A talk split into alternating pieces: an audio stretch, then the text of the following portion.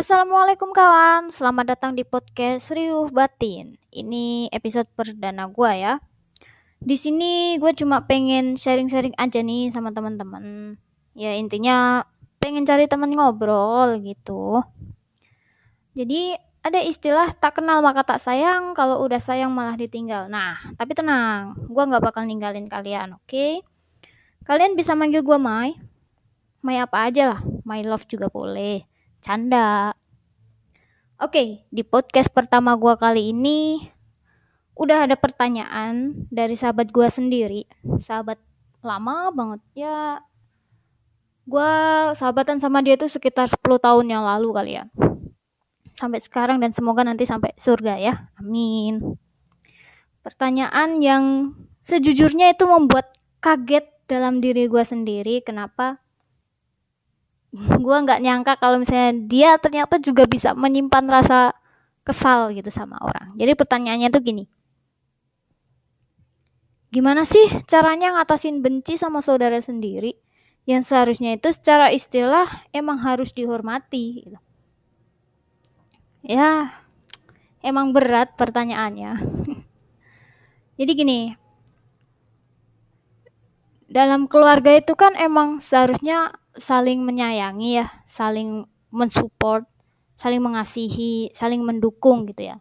Tapi nggak jarang juga antar keluarga itu malah saling kesel. Ini bebas ya, maksudnya ini luas banget. Keluarga itu bisa keluarga inti maupun keluarga besar gitu.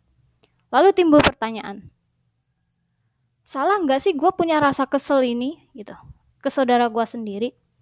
Ya kalau menurut gue pribadi sih salah enggaknya rasa kesel itu ya tergantung bagaimana cara lo mengolah rasa kesel lo itu. Lu salah kalau misalnya lu menggunakan rasa kesel lu untuk misalnya menyakiti atau mengganggu hidup saudara lo. Lah itu salah. Berarti ada sesuatu yang salah di dalam hati lu kayak gitu. Terus gue inget-inget ternyata gue juga pernah mengalami hal seperti ini gitu. Ini gue mau cerita sedikit dan nanti mungkin bisa ditarik kesimpulan di akhir. Jadi dulu waktu gue ya masih masih kecil lah ya masih masih kayak apa sih bocah ingusan ibaratnya. Gue sempet kesel sama sepupu gue sendiri. Gue kesel dan gak habis pikir waktu itu yang ada di pikiran gue kenapa sih dia bisa tega banget ngelakuin hal itu gitu ke saudaranya sendiri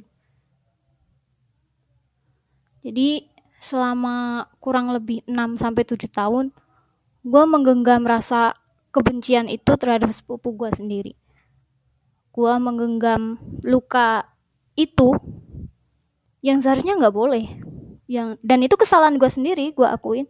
Itu kesalahan gue sendiri. Kenapa gue terlalu lama menggenggam luka, menggenggam pisau yang ah itu tuh ternyata bumerang buat gue sendiri.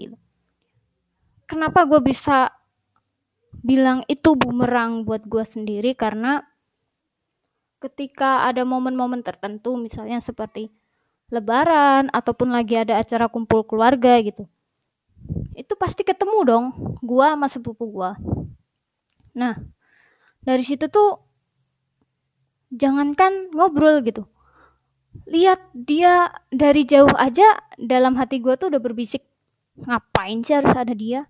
Ngapain sih harus ketemu dia?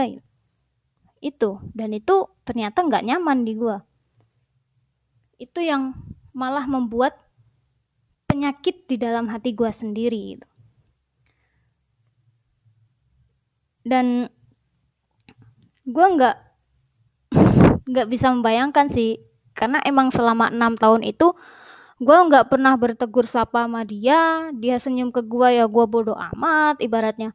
Lu senyum ke gue aja lu salah ibaratnya kan kayak gitu. Tapi ya itu pemikiran anak kecil sih itu dulu gue tapi lambat laun dari waktu ke waktu umur kan mulai bertambah mulai bertambah kedewasaan juga insya Allah mulai bertambah gitu ya.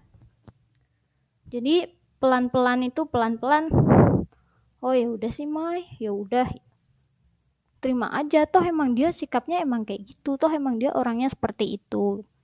Dan kita nggak bisa memukul rata semua manusia. Kita nggak bisa menyamakan semua sifat manusia yang ada di dunia ini gitu. Oke berdoa gitu.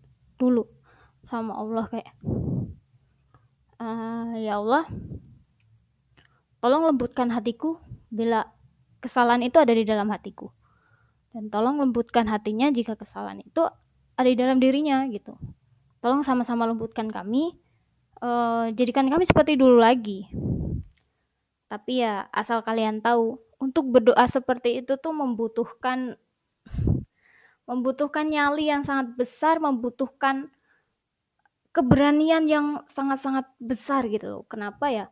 Ibaratnya gue udah nggak mau ngelukain batin gue sendiri apa yang bisa gue lakuin ya yang bisa gue lakuin memperbaiki hal itu.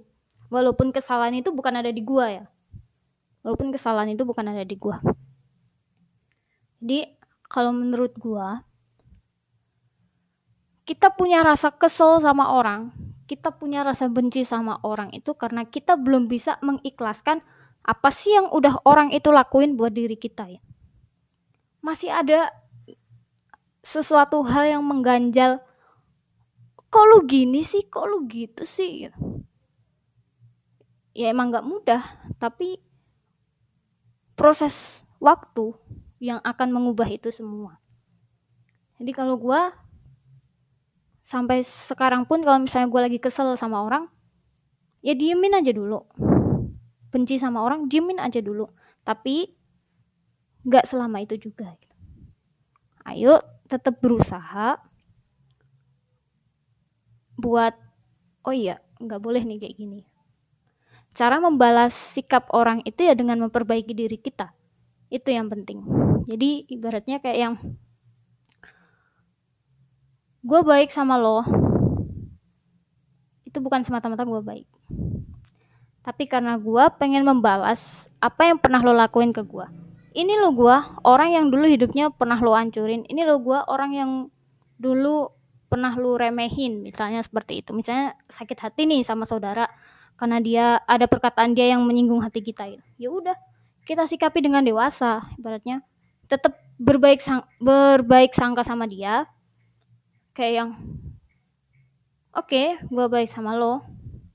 Dan ini balasan lo dari gue karena dulu lo pernah nyakitin hati gue tapi sorry gue bukan orang yang seperti lo yang gue bakal membalas hal yang sama seperti lo kayak gitu jadi prinsip gue biarkan dia orang yang pernah nyakitin hati lo itu hidup dalam penyesalannya sendiri. Udah, itu aja.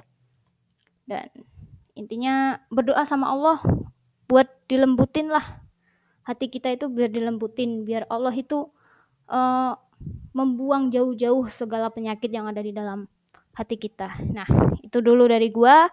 Untuk next episode-nya itu ya tergantung dari pertanyaan teman-teman sih. Jadi apa sih yang sedang kalian rasain? Apa sih yang sedang kalian pikirin?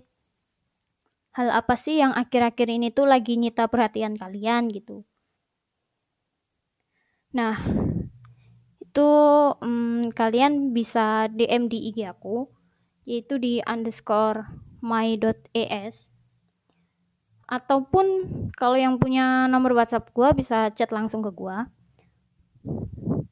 Kesimpulannya, Orang bijak itu akan bisa mengambil pelajaran dari apa yang sudah dialami. Bukan hanya dari pengalaman kita saja, tapi juga pengalaman orang lain agar tidak terjebak dalam permasalahan yang sama. Semoga bermanfaat. See you next. Wassalamualaikum warahmatullahi wabarakatuh.